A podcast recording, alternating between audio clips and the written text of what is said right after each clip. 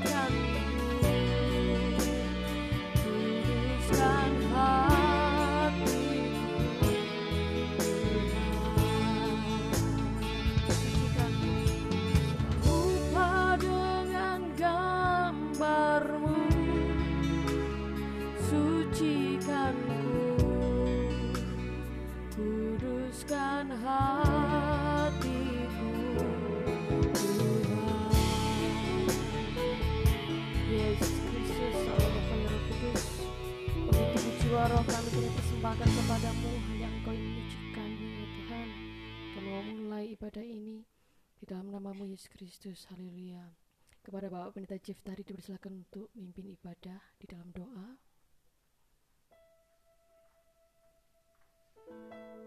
Jemaat Tuhan yang terkasih, di hari ini kita beribadah kepada Tuhan kita Yesus Kristus lagi.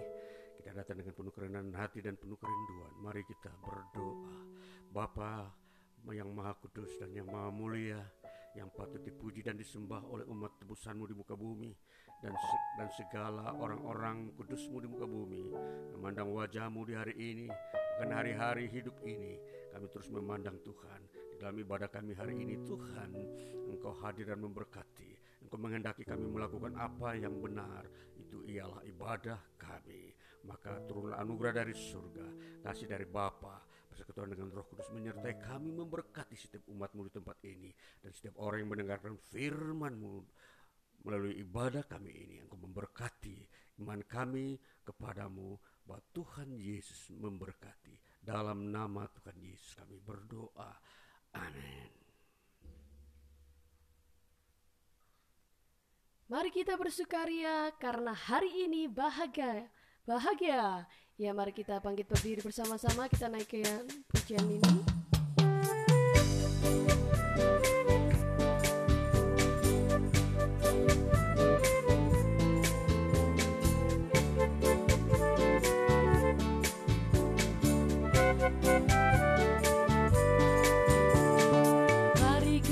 Bersukaria. Karena ini hari bahagia Kita berkumpul jadi satu. Puji Tuhan semesta itu Tepuk tangan wajah berseri. Hilangkanlah hati yang sedih. Bukankah Yesus berkata damainya diberikan kita Mari kita bersukaria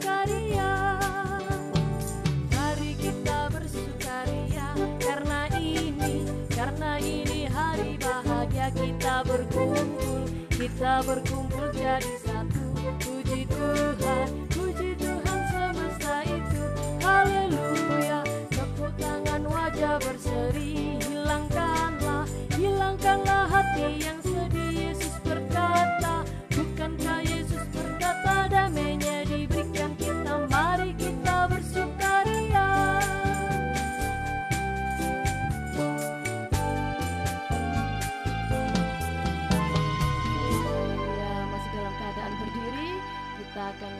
memujikan bahwa Yesus cinta semua anak. Amin.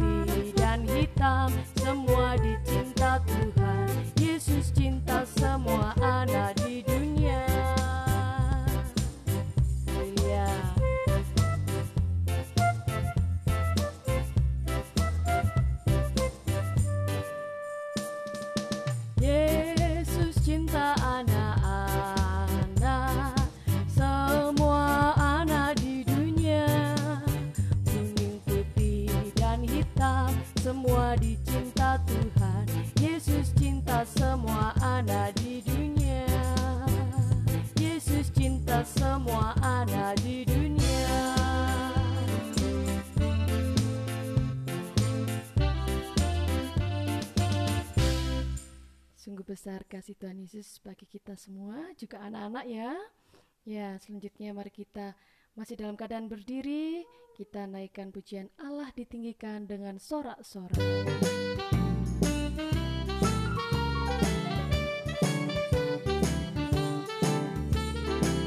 Ditinggikan dengan sorak-sorai, Allah ditinggikan dengan sangka kalah. Allah ditinggikan dengan bersorak-sorai Bersoraklah bagi Tuhan. Bersoraklah bagi Tuhan.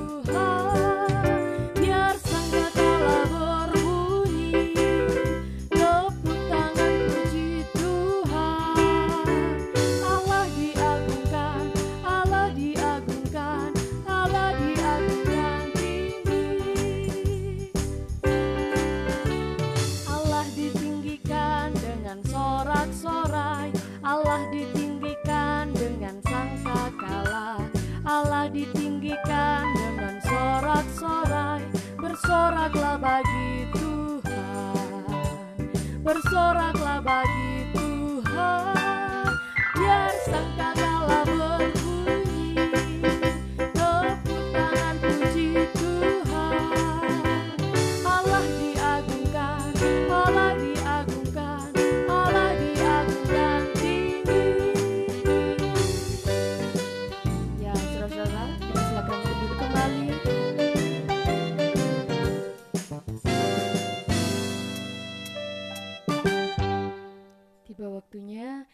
saudara-saudara yang ingin memberikan kesaksian dipersiapkan.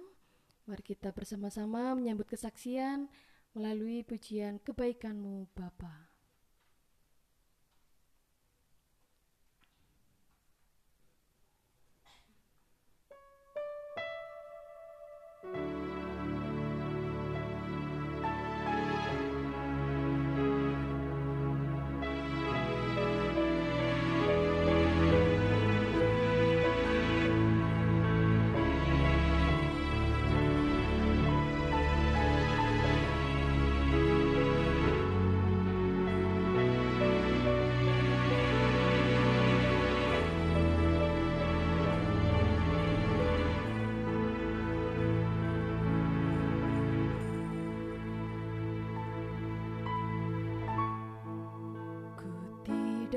buat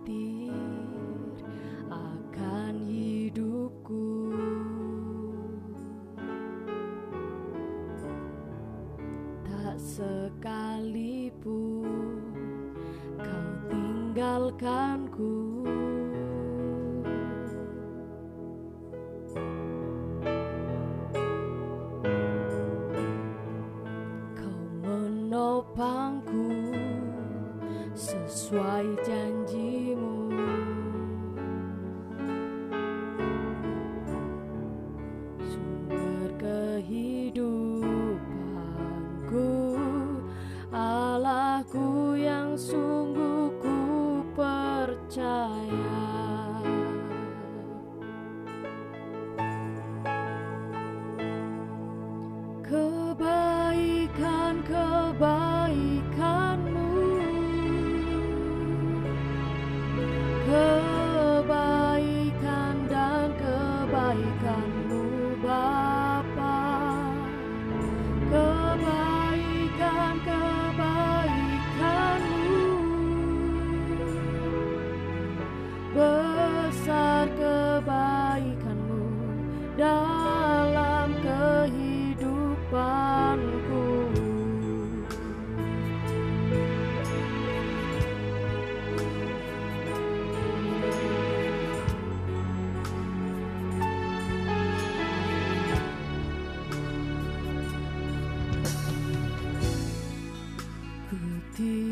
khawatir akan hidupku,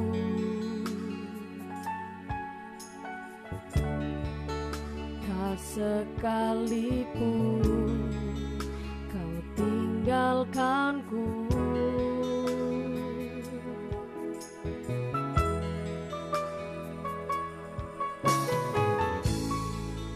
Kau menopangku. try again.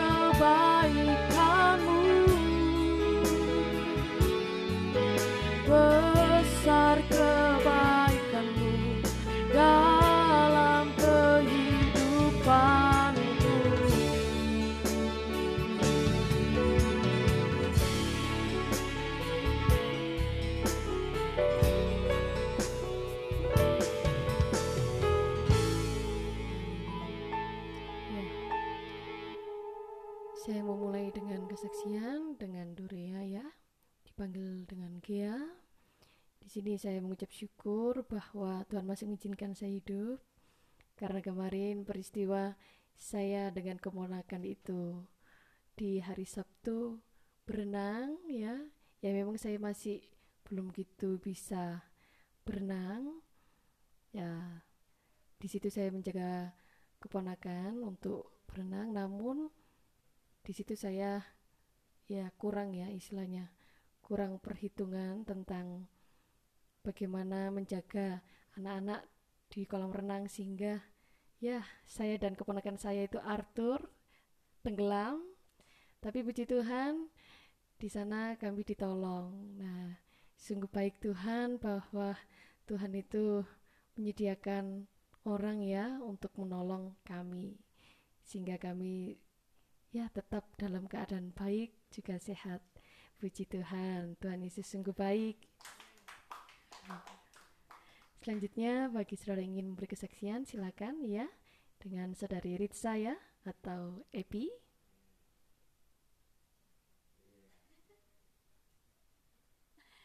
Ya, shalom Bapak Ibu Saudara, adik-adik sekalian. Ya, puji Tuhan. Kak Epi di sini boleh uh, bersaksi sebentar ya. Gitu. Jadi Tante Epi di sini mau mengucapkan syukur oh, kepada Tuhan Yesus karena Tante Epi atau Kak Epi sudah diwisuda dengan nilai yang cukup baik ya, cukup baik atau sangat baik ini saya kurang iya ini kumlot ya puji Tuhan. Semua kumlot ya ya IPK-nya 3,91 ya itu cukup tinggi. Dan uh, puji Tuhan juga Tante Epi atau Kak Epi ini juga bisa uh, diberikan istilahnya panggilan ya daripada Tuhan Yesus untuk uh, benar-benar Epi ini mempersiapkan diri kepada panggilan yang Tuhan telah berikan untuk Kepi yaitu untuk melayani anak-anak yang tidak memiliki orang tua atau bahkan yang broken home. Nah, bagaimana caranya Tuhan nanti menuntun Epi? Dengan siapa, di mana? Itu nanti Tuhan sendiri yang atur. Tetapi untuk saat ini uh, tugas Epi adalah mempersiapkan diri, melakukan apa yang sudah Tuhan bukakan planning-planning apa saja yang Tuhan sudah bukakan dan uh, tentunya perlu support selalu ya dari papa mama, dari kakak tercinta dan saudara-saudara dan saudara-saudara sekalian untuk apa keberlanjutan pekerjaan Tuhan di muka bumi ini. Terima kasih kemuliaan hanya untuk Tuhan Yesus. Iya. Ada lagi yang ingin bersaksi? Iya. Oh, Arthur? Iya, puji Tuhan Arthur sama ya dengan Tante Kia ya. Iya, puji Tuhan. Kita semua mengalami kebaikan Tuhan. Haleluya. Iya. Selanjutnya, saudara-saudara, mari kita bersama-sama melanjutkan pembacaan kitab Yeremia pasal 50 ayat 1 hingga 46. Ya. Yeremia 50 ayat 1 hingga 46.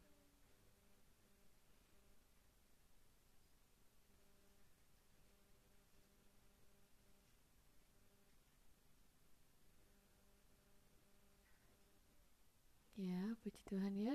Kita sudah dapat semuanya Yeremia 50 ayat 1 hingga 46. Mari kita baca bersama-sama. 1 2 3. Mengenai Babel. Firman yang disampaikan Tuhan dengan perantaraan Nabi Yeremia mengenai Babel, mengenai negeri orang-orang Kasdim. Beritahukanlah di antara bangsa-bangsa dan kabarkanlah, naikkanlah panji-panji dan kabarkanlah, janganlah sembunyikan, katakanlah, Babel telah direbut, Dewa Bel menjadi malu, Merodak telah terkejut. Berhala-berhalanya menjadi malu, dewa-dewanya yang kecil telah terkejut. Maka suatu bangsa maju menyerangnya dari utara, membuat negerinya menjadi tempat tandus. Tidak ada lagi yang diam di dalamnya, baik manusia maupun binatang, semuanya lari lenyap. Pada waktu itu dan pada masa itu, demikianlah firman Tuhan, orang Israel akan datang bersama-sama dengan orang Yehuda. Mereka akan berjalan sambil menangis dan mencari Tuhan Allah mereka. Mereka menanyakan jalan ke Sion, ke sanalah mereka terarah. Marilah kita menggabungkan diri kepada Tuhan, bergabung dalam suatu perjanjian kekal yang tidak dapat dilupakan. Umatku tadinya seperti domba-domba yang hilang. Mereka dibiarkan sesat oleh gembala-gembalanya, dibiarkan mengembara di gunung-gunung. Mereka berjalan dari gunung ke bukit sehingga lupa akan tempat pembaringannya. Siapa pun yang menjumpai mereka, memakan habis mereka, dan lawan-lawan mereka berkata, "Kami tidak bersalah." Karena mereka telah berdosa kepada Tuhan, tempat kebenaran Tuhan, pengharapan nenek moyang mereka. Larilah dari tengah-tengah Babel, dari negeri orang-orang Kasdim. Keluarlah, jadilah seperti kambing-kambing jantan yang mengepalai kawannya. Sebab sesungguhnya aku menggerakkan dan membangkitkan terhadap Babel sekumpulan bangsa-bangsa yang besar dari utara. Mereka akan mengatur barisan untuk melawannya, dari sanalah kota itu akan direbut. Panah-panah mereka adalah seperti pahlawan yang mujur, yang tidak pernah kembali dengan tangan hampa. Negeri orang-orang Kasdim akan menjadi rampasan, semua orang yang merampasnya akan puas hatinya. Demikianlah firman Tuhan. Sekalipun kamu bersuka cita dan beria-ria, hai orang-orang yang merampok milikku, sekalipun kamu melompat-lompat seperti anak lembu di padang rumput dan meringkik seperti kuda-kuda jantan, namun ibumu sangat menanggung malu dan perempuan yang melahirkan kamu tersipu-sipu.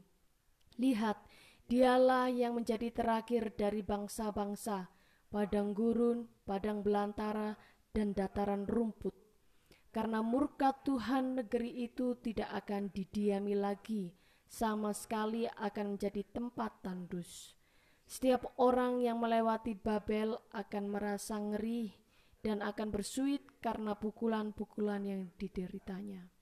Aturlah barisanmu menyerang Babel dari segala pihak, Hai semua orang pemanah, panahlah kepadanya, janganlah merasa sayang akan anak panah, sebab kepada Tuhanlah ia berdosa. Bertempik soraklah menyerangnya dari segala pihak, dia sudah menyerah, tonggak-tonggaknya sudah rebah, pagar-pagarnya sudah runtuh.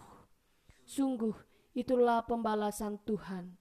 Laksanakanlah pembalasan terhadapnya, lakukanlah kepadanya seperti yang dilakukannya sendiri. Lenyapkanlah orang penabur dari Babel dan orang penyabit pada musim menuai. Untuk mengelakkan pedang yang dahsyat ini, setiap orang akan berpaling pulang kepada bangsanya, setiap orang akan lari ke negerinya. Israel adalah seperti domba yang dicerai beraikan, dihalaukan oleh singa-singa. Mula-mula Raja Asyur memakan dia, dan sekarang pada akhirnya Nebukadnezar Raja Babel mengerumit tulang-tulangnya. Sebab itu beginilah firman Tuhan semesta alam Allah Israel. Sesungguhnya aku menghukum Raja Babel dan negerinya, seperti aku telah menghukum Raja Asyur. Tetapi aku akan mengembalikan Israel ke padang rumputnya, supaya ia makan rumput di atas Karmel dan di Basan, dan menjadi kenyang di atas pegunungan Efraim dan di Gilead.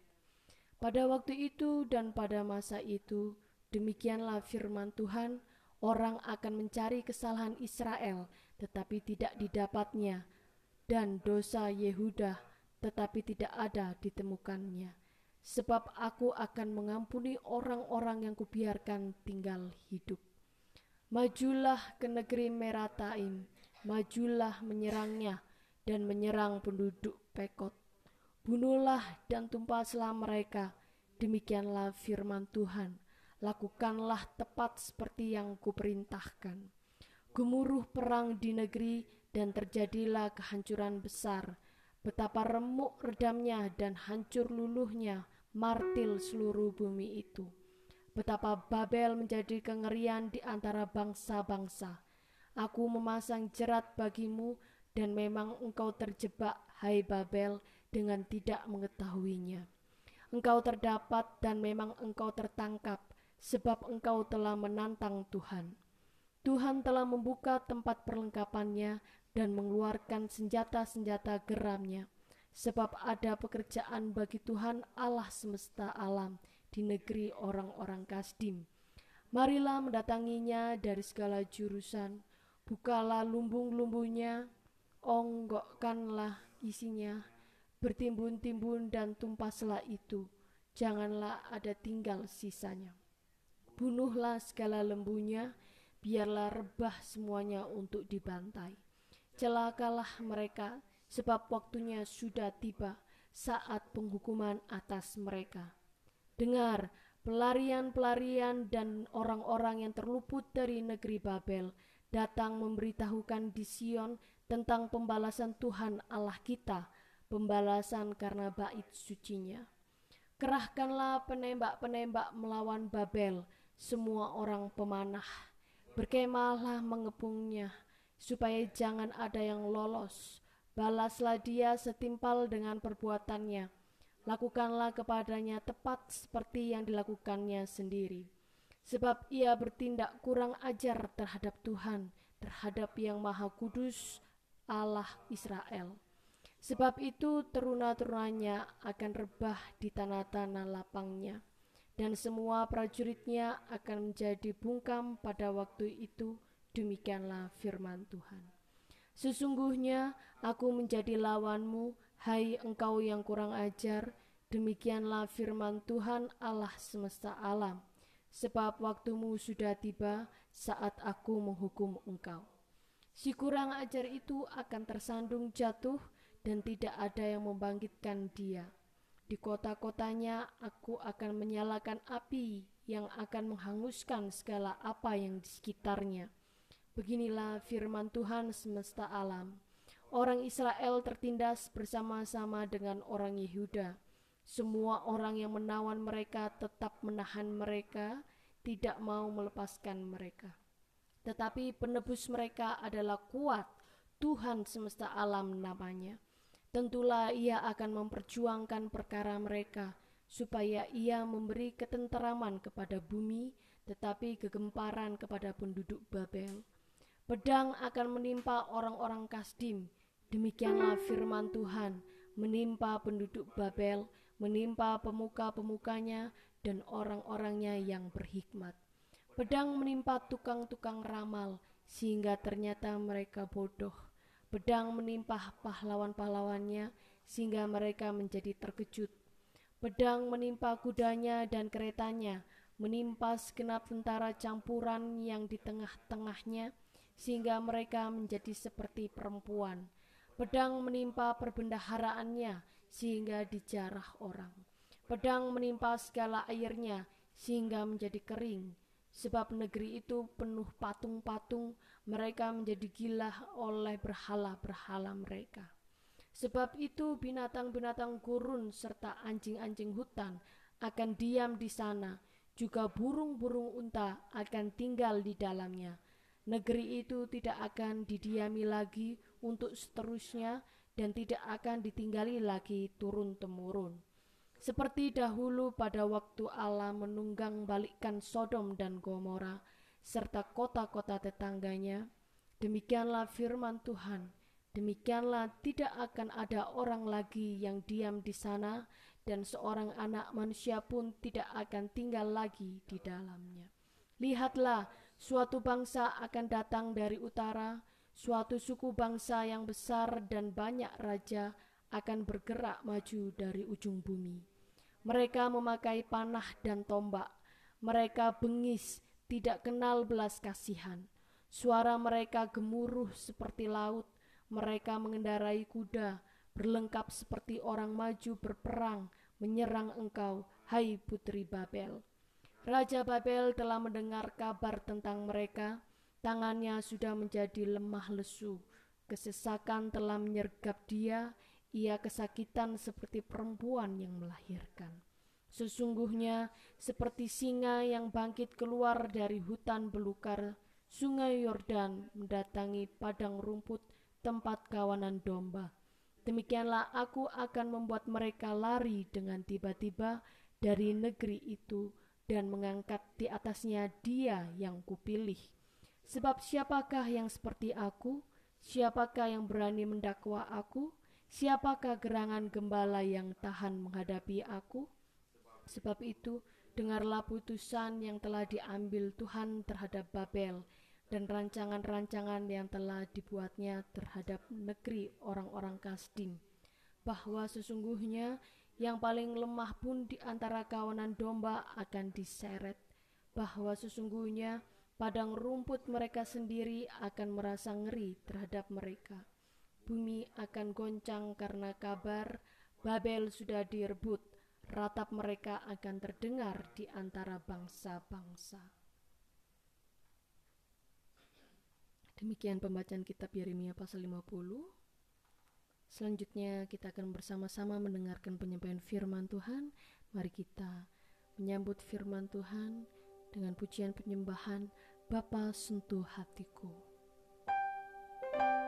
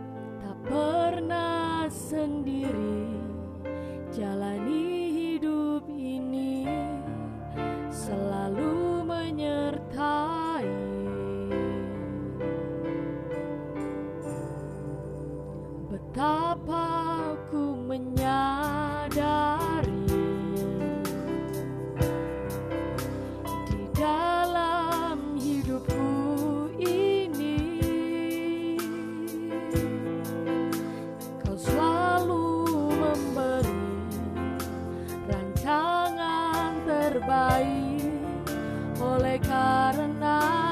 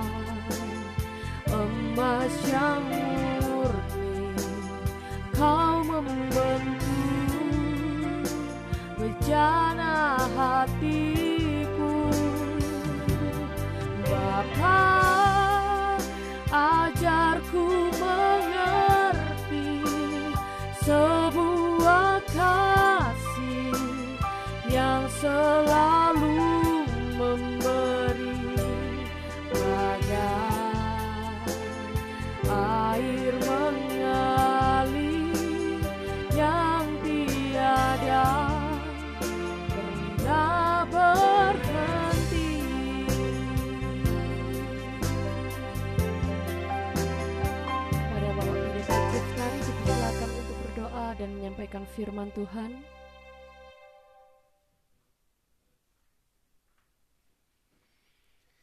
Ya jemaat Tuhan yang terkasih yang hadir di tempat ini maupun yang mendengarkan dan mengikuti ibadah melalui podcast ini kita berdoa kami datang kepada Tuhan kami mengucap syukur untuk firman-Mu yang akan kami dengar di hari ini.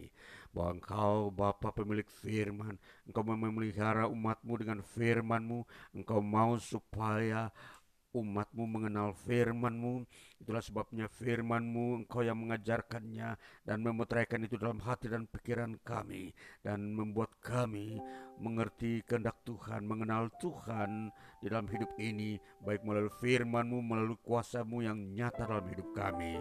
Terima kasih Tuhan. Kami sangat percaya kasihmu begitu besar sehingga kami akan menerima berkat Tuhan di dalam firmanmu. Ada berkat Tuhan yang melimpah ada mujizat kuasa Tuhan yang bekerja Tuhan yang menyatakan berkat mujizatmu melalui firmanmu. Maka kami terima dan mendengarkan firmanmu di hari ini. Di dalam nama Tuhan Yesus Kristus kami menerima, menerima firmanmu dan kami berdoa. Haleluya. Amin. Ya, saudara-saudaraku yang terkasih, jemaat Tuhan yang Tuhan berkati. Hari ini hari Minggu tanggal 18 Desember tahun 2022 kita beribadah lagi kepada Tuhan. Di hari ini kita akan mendengarkan firman Tuhan di dalam Injil Matius pasal pasal 7 ayat 24 hingga ayat 27 bunyinya demikian.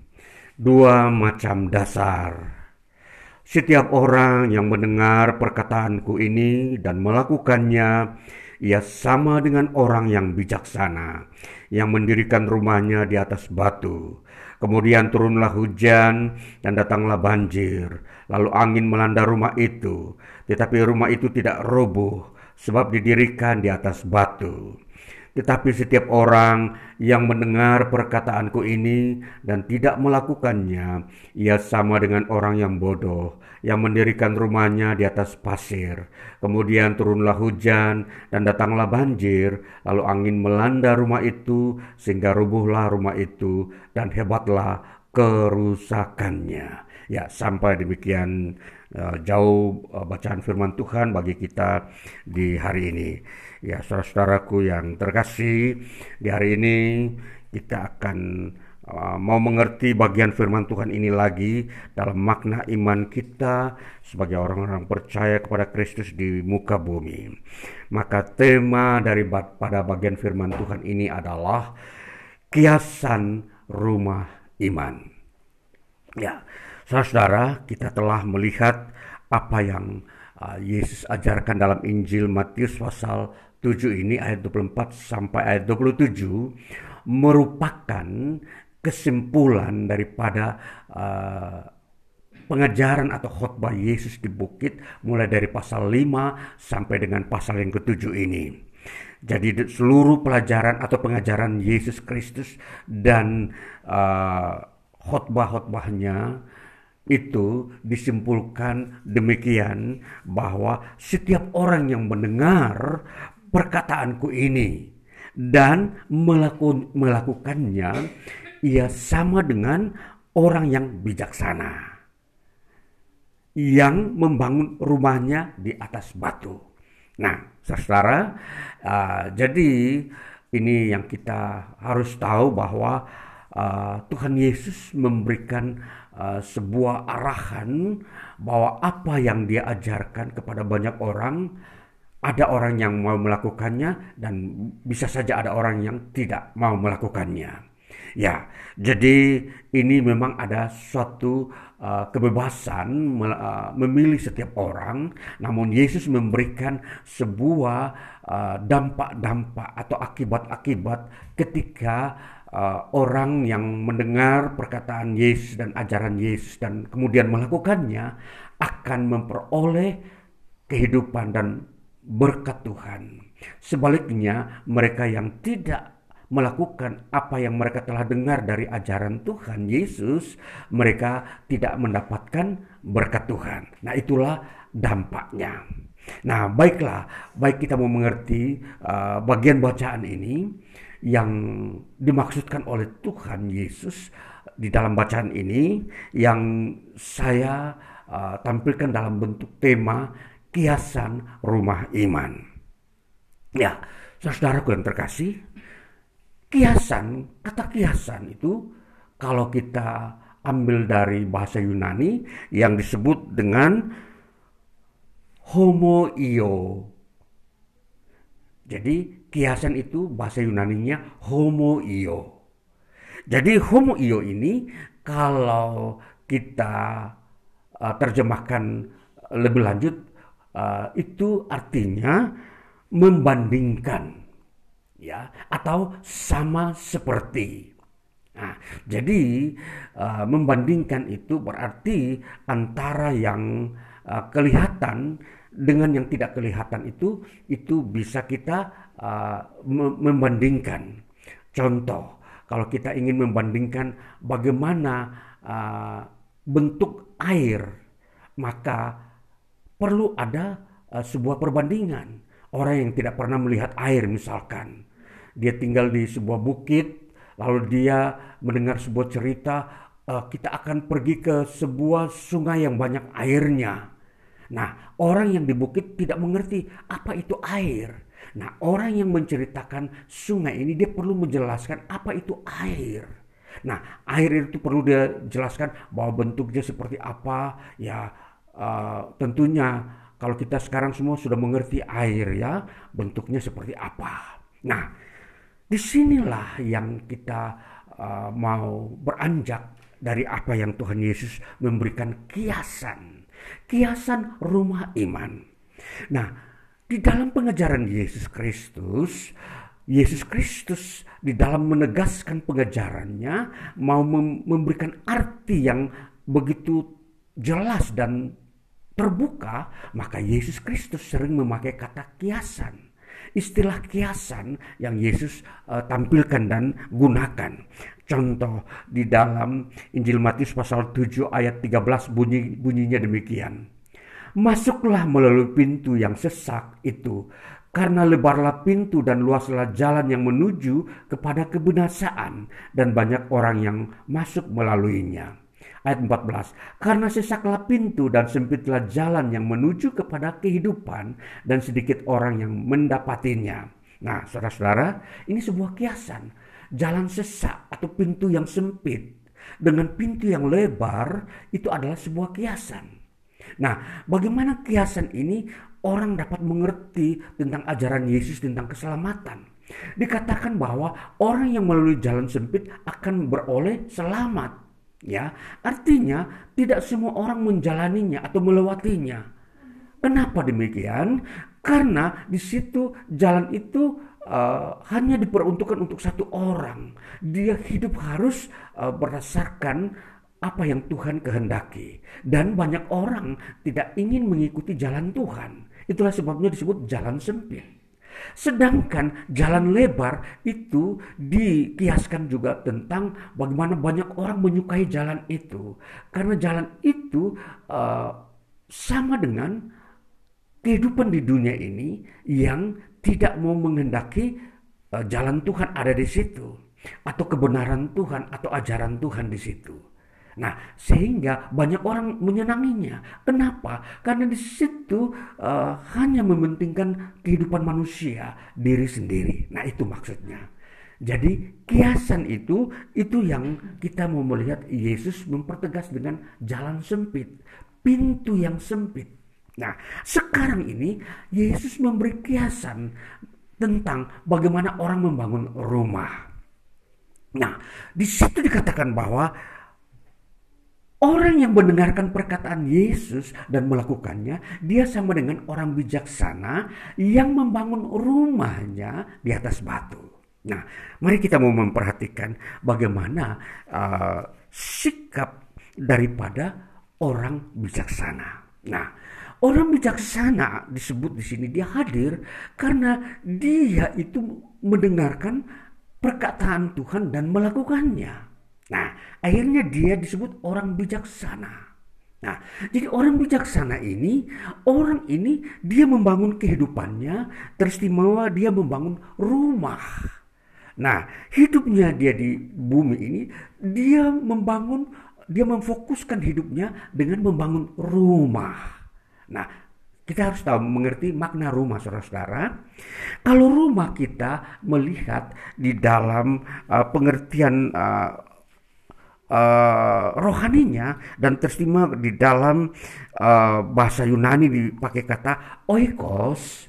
Oikos itu rumah, namun dia juga mempunyai arti uh, yang lain, ialah tempat tinggal, juga keluarga, juga harta. Nah, jadi oikos ini adalah uh, mempunyai empat tingkatan makna. Jadi orang bijaksana ini adalah orang yang memang memperhatikan ajaran Tuhan. Jadi memang uh, hubungannya erat. Kalau orang mendengarkan ajaran Tuhan, dia pasti memiliki hikmat. Dia menjadi seorang yang bijaksana. Dia pertama-tama membangun apa? Rumahnya. Nah, di sini rumah berhubungan dengan semua aktivitas dia di dunia ini. Mulai daripada dia membangun rumah tangga. Jadi buat dia hidup bukan untuk dirinya sendiri. Dia hidup itu bersama keluarganya. Di situ mungkin ada ibu bapaknya, di situ ada adik-adiknya. Nah, apalagi kalau bapaknya, bapak juga dia hidup bijaksana. Di situ ada istrinya, ada anak-anaknya, ada cucunya, ada saudara-saudaranya.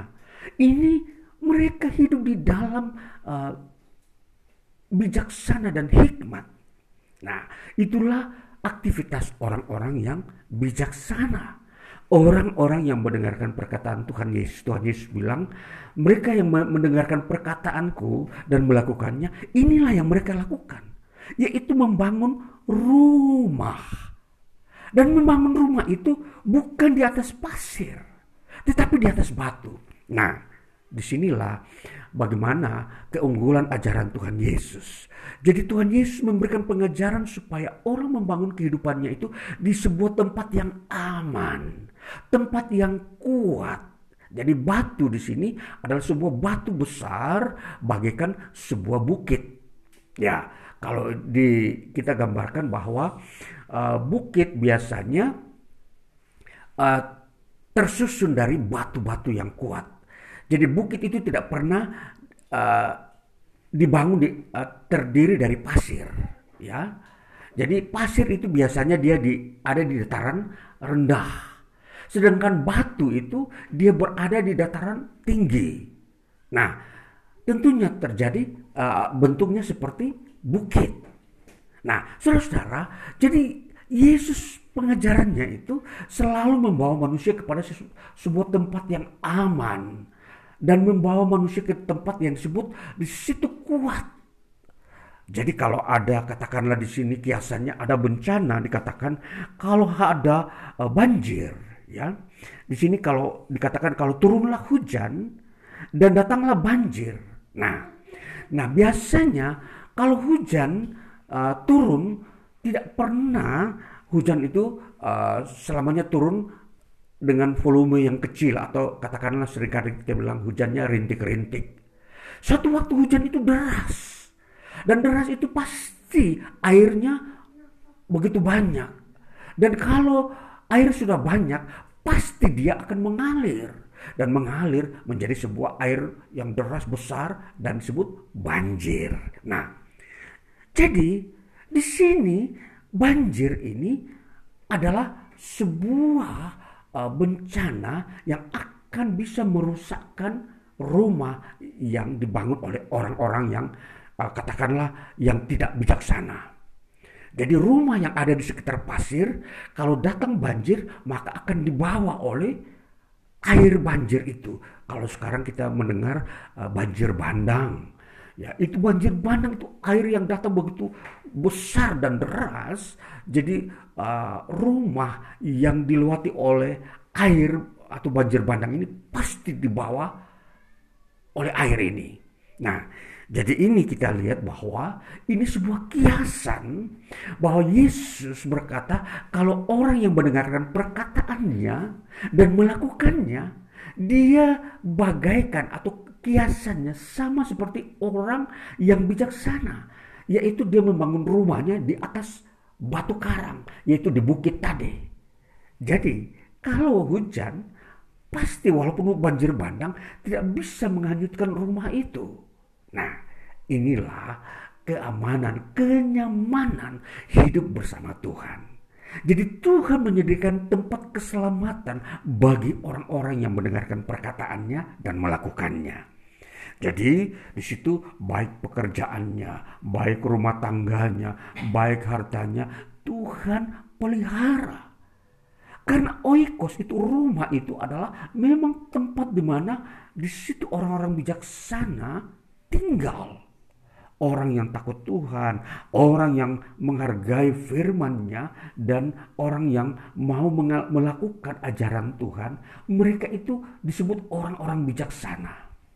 Orang-orang yang pandai atau orang-orang yang disebut orang-orang yang cerdas, ya. Orang-orang yang cerdas. Jadi, kalau kita melihat ada orang-orang yang mendengarkan firman Tuhan dan setia melakukannya, pasti dia cerdas kita telah melihat sebuah kesaksian uh, uh, Epi maupun Gea maupun Yusti itu mereka orang-orang yang uh, diberkati Tuhan, diberikan kecerdasan, mereka lulus kuliah dengan IPK-nya uh, 3,9. Uh, sehingga mereka menikmati ini berkat Tuhan. Ya seperti uh, Epi tadi baru bersaksi dia lulus dengan 3 IPK 3,91 itu ditergolong summa cum laude ya orang-orang cerdas. Jadi orang cerdas mereka mempunyai uh, latar belakang adalah orang-orang yang sering atau selalu mendengarkan firman Tuhan Yesus dan melakukannya. Dan saudara-saudara ini sebuah kiasan. Kiasan hidup, kiasan rumah iman. Orang-orang yang hidup di dalam iman kepada Yesus Kristus, hidup mereka juga akan dibukakan sebuah kiasan-kiasan. Bagaimana menjadi seorang yang sukses, itu ada kiasannya. Mereka dikiaskan sebagai orang-orang yang setia, orang-orang yang rajin. Itu kiasan-kiasan. Ya, orang yang uh, ber, uh, berhati-hati atau berwaspada. Jadi kiasan orang sukses itu itu terlihat di dalam kehidupan mereka. Mereka uh, orang rajin belajar, rajin uh, bekerja, rajin berdoa. Mereka orang yang sabar, orang yang uh, rendah hati. Itu kiasan-kiasan rumah iman. Saudaraku yang terkasih, kita mau mengerti uh, sisi yang dikatakan rumah iman. Tadi uh, kalau kita sudah melihat rumah dalam istilah uh, bahasa Yunani disebut oikos. Sekarang kita mau melihat rumah iman. Rumah iman adalah sebuah kiasan. Bagaimana kita memahami iman Kristen? Jadi iman Kristen itu dikiaskan seperti rumah iman. Ya, jadi kalau kita melihat bagaimana kiasan rumah iman ini diibarkan dengan iman Kristen, maka di situ kita akan uh, dipertemukan dengan Tuhan Yesus Kristus.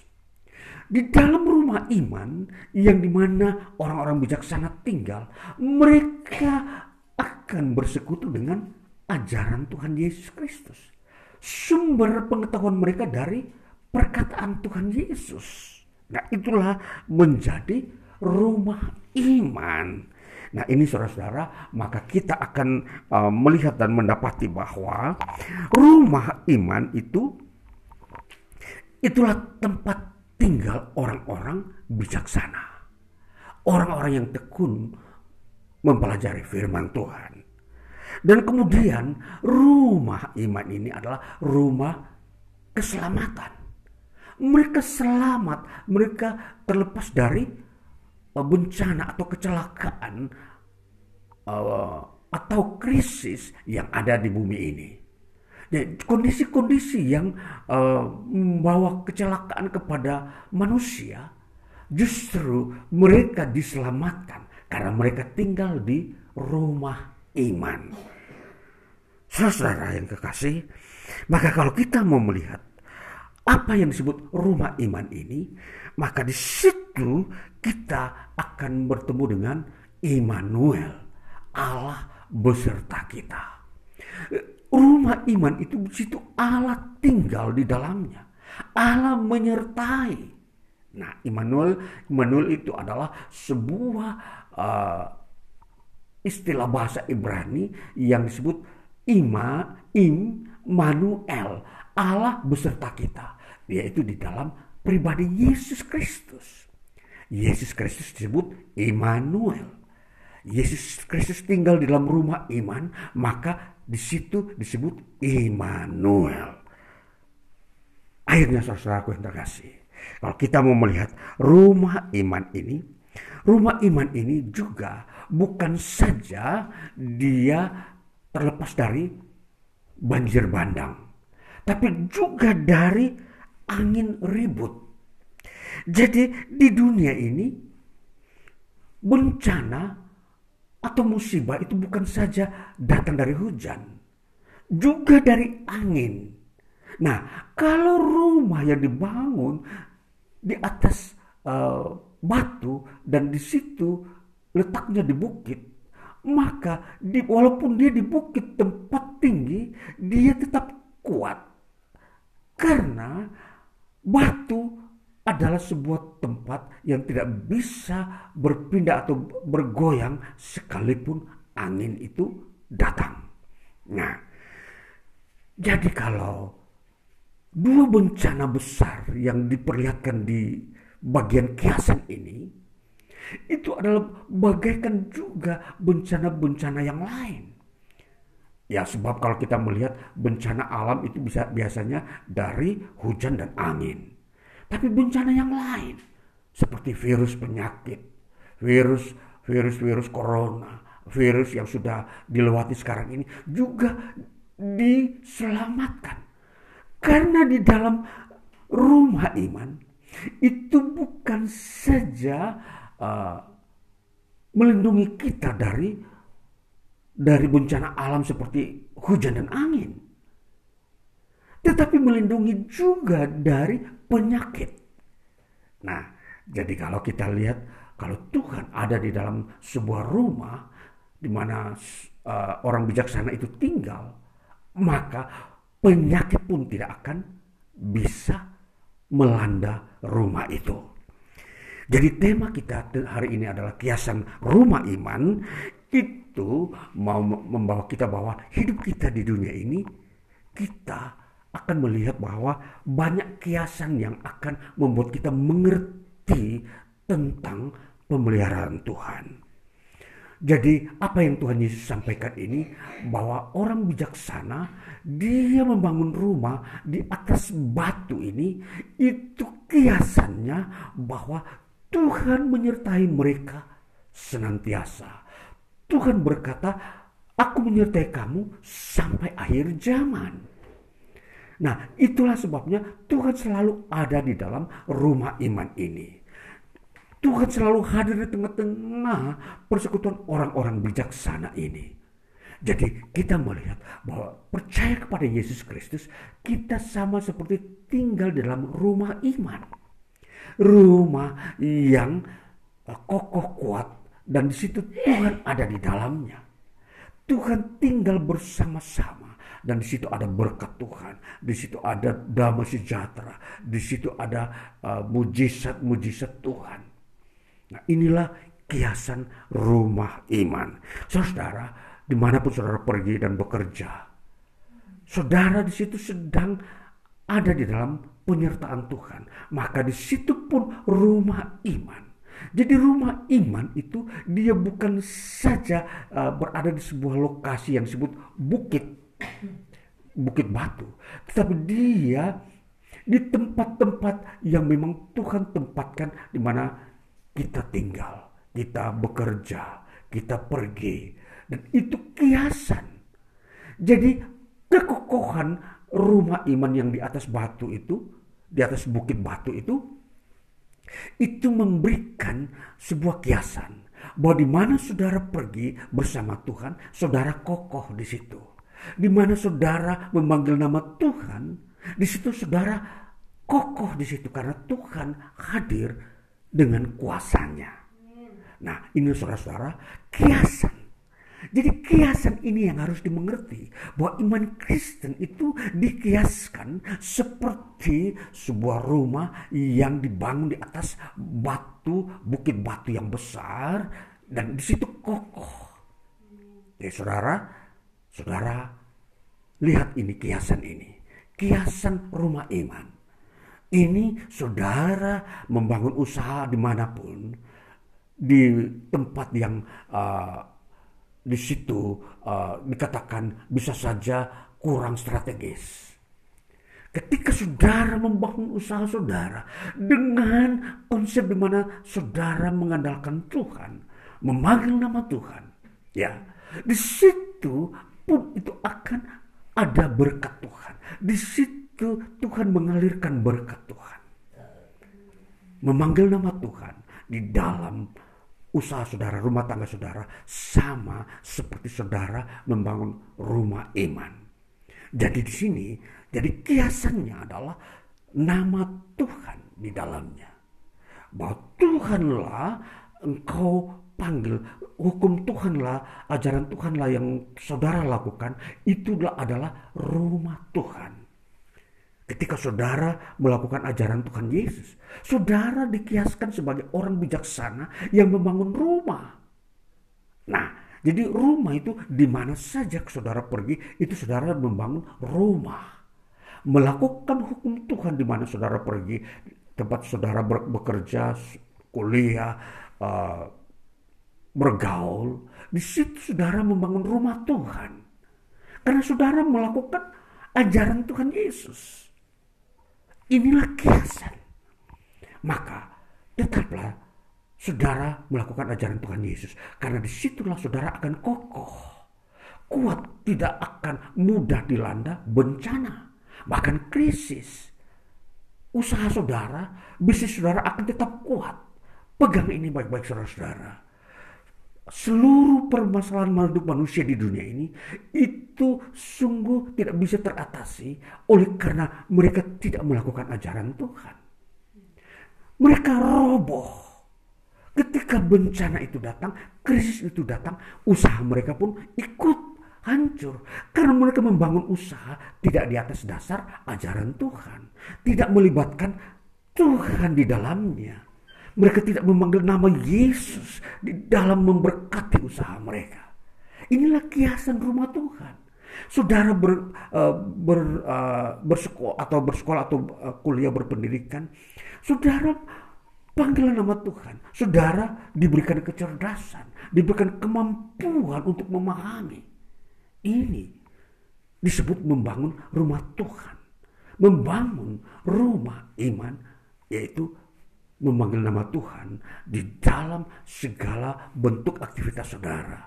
Inilah saudara saudara kita timba dari apa yang Tuhan kehendaki. Barang siapa mendengar perkataanku dan melakukannya, ia sama dengan orang bijaksana yang membangun rumahnya di atas bukit batu. Inilah yang kita harus kerjakan. Kita mengerti. Jadi tidak ada ajaran lain. Kita hanya mengajarkan melakukan ajaran Tuhan Yesus. Karena inilah yang uh, Tuhan Yesus kehendaki. Barang siapa mendengarkan perkataanku dan melakukannya. Nah, ya kan? Jadi melakukan perkataan atau ajaran Yesus inilah yang menjadikan kita bijaksana yang membangun rumah itu di atas bukit batu tidak akan bencana dan krisis uh, menghancurkannya. Nah inilah uh, sebuah uh, dasar bagi kita lagi di dalam kita uh, memasuki atau mengakhiri tahun-tahun uh, krisis ini tahun-tahun yang uh, banyak orang merasa uh, tahun 2022 ini banyak uh, masih ada krisis melanda dunia. Maka ini saudara-saudara bangunlah rumah iman saudara di tahun 2013 memanggil nama Tuhan panggillah dan firmannya perhatikanlah, belajarlah, bacalah firmannya, lakukanlah itu. Maka berkat Tuhanlah yang akan menjadi bagian hidup saudara. Lihatlah perhatikan perkataan Tuhan ini dengan baik. Saudara jangan takut dan khawatir memulai sesuatu usaha. Engkau memulai dengan apa yang kau uh, doakan, minta dari Tuhan. Tuhan akan memberkatinya, membuka jalan Nah, ini prinsip-prinsip rumah iman supaya kita uh, berjalan tanpa harus uh, takut dan um, bimbang menjalani kehidupan. Apa yang saudara memulai, apa yang saudara ingin memulai di tahun 2023, persiapkan melalui firman Tuhan ini bahwa saudara harus melandasinya di atas dasar perkataan Tuhan Yesus. Tuhan Yesus berkata demikian maka saudara akan membangun rumah iman saudara tahun 2023 di atas bukit batu yang kuat kokoh. Di situ Tuhan hadir, di situ kenyamanan, kedamaian, keselamatan ada di dalamnya. Dan perhatikan ini saudaraku dan biarlah kita uh, terbuka hati dan pikiran kita, wawasan kita bahwa mendekat kepada Tuhan dan firman-Nya membuat kita sukses di dunia ini. Tuhan Yesus memberkati kita. Haleluya. Amin. Mari kita masuk di dalam doa syafaat kita supaya kita uh, betul-betul dipimpin oleh Tuhan dalam langkah-langkah hidup kita. Mari kita berdoa. Tuhan Yesus kami bersyukur melalui firman khusus yang kami telah dengar di ibadah minggu ini. Tuhan Yesus kami mendengarkan firman-Mu bahwa ketetapan-ketetapan Tuhan Uh, anjuran-anjuran dan jalan keluar yang Tuhan berikan bagi kami orang-orang percaya orang-orang mendengarkan firman-Mu hari ini bahwa orang yang mendengarkan firman-Mu dan melakukannya mereka sama seperti orang bijaksana yang membangun rumah di atas uh, bukit batu yang besar sehingga bencana apa pun datang krisis dia tidak akan hancur. Terima kasih Tuhan Yesus bahwa kami mau mengambil sikap seperti ini. Umatmu di tempat ini berkati dan teguhkan dengan kuasa roh kudusmu dan mereka yang mendengarkan firmanmu melalui podcast maupun Youtube itu pun engkau memberkati dan membuat mereka uh, berjalan dalam jalan yang uh, mencapai tujuannya.